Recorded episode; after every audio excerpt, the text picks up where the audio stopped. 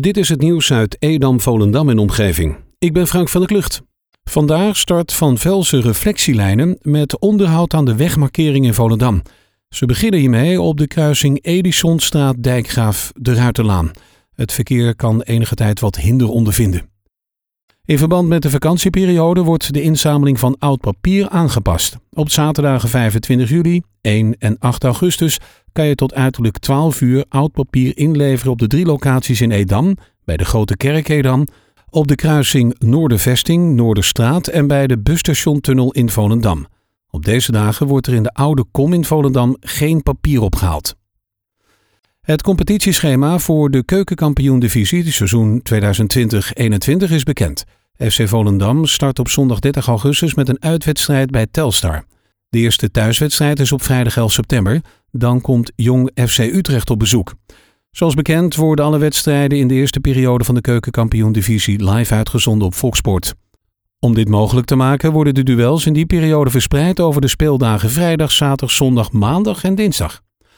Ziggo gaat binnenkort alle lokale omroepkanalen reorganiseren. Hierdoor krijgen alle omroepen één vaste plek in hun uitzendgebied en heeft De Love in Edam en Volendam straks niet langer een ander kanaalnummer dan in de zeevang. Om dit te kunnen realiseren zal RTV Love wel moeten verhuizen naar een ander kanaal.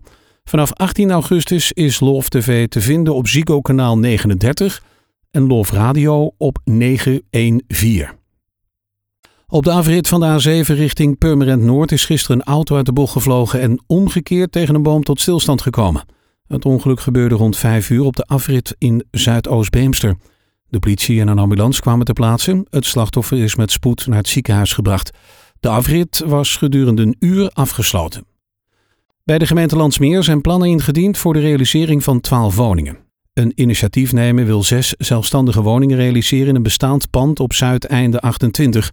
Voor een ander pand op de Dorpstraat is een verzoek ingediend om daarin zes appartementen te mogen realiseren.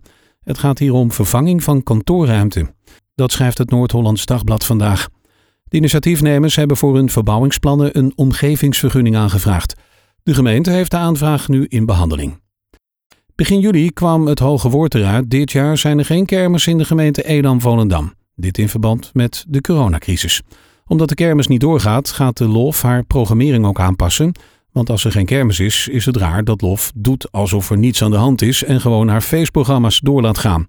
Het schrappen van de kermisprogrammering en daarmee ook de jaarlijkse donateursactie betekent daarom een flinke financiële klap voor de LOF. Momenteel wordt er hard nagedacht over andere manieren om geld binnen te halen. De omroep heeft het geld hard nodig.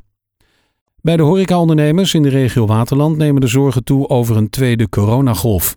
Veel horecabedrijven krabbelen weer op na de lockdown, maar een nieuwe sluiting hangt alweer boven het hoofd. De berichtgeving van het café in Hillegom, waar 20 bezoekers besmet zijn geraakt, is een waarschuwing om alert te blijven op het naleven van de maatregelen.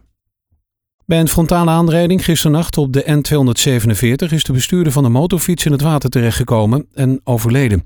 De motorrijder kwam ter hoogte van de watergang in botsing met een automobiliste. Mogelijk kwam de motorrijder op de linkerweghelft terecht, waarna hij frontaal op de auto botste. Door de enorme klap kwam de auto achterstevoor in de berm tot stilstand.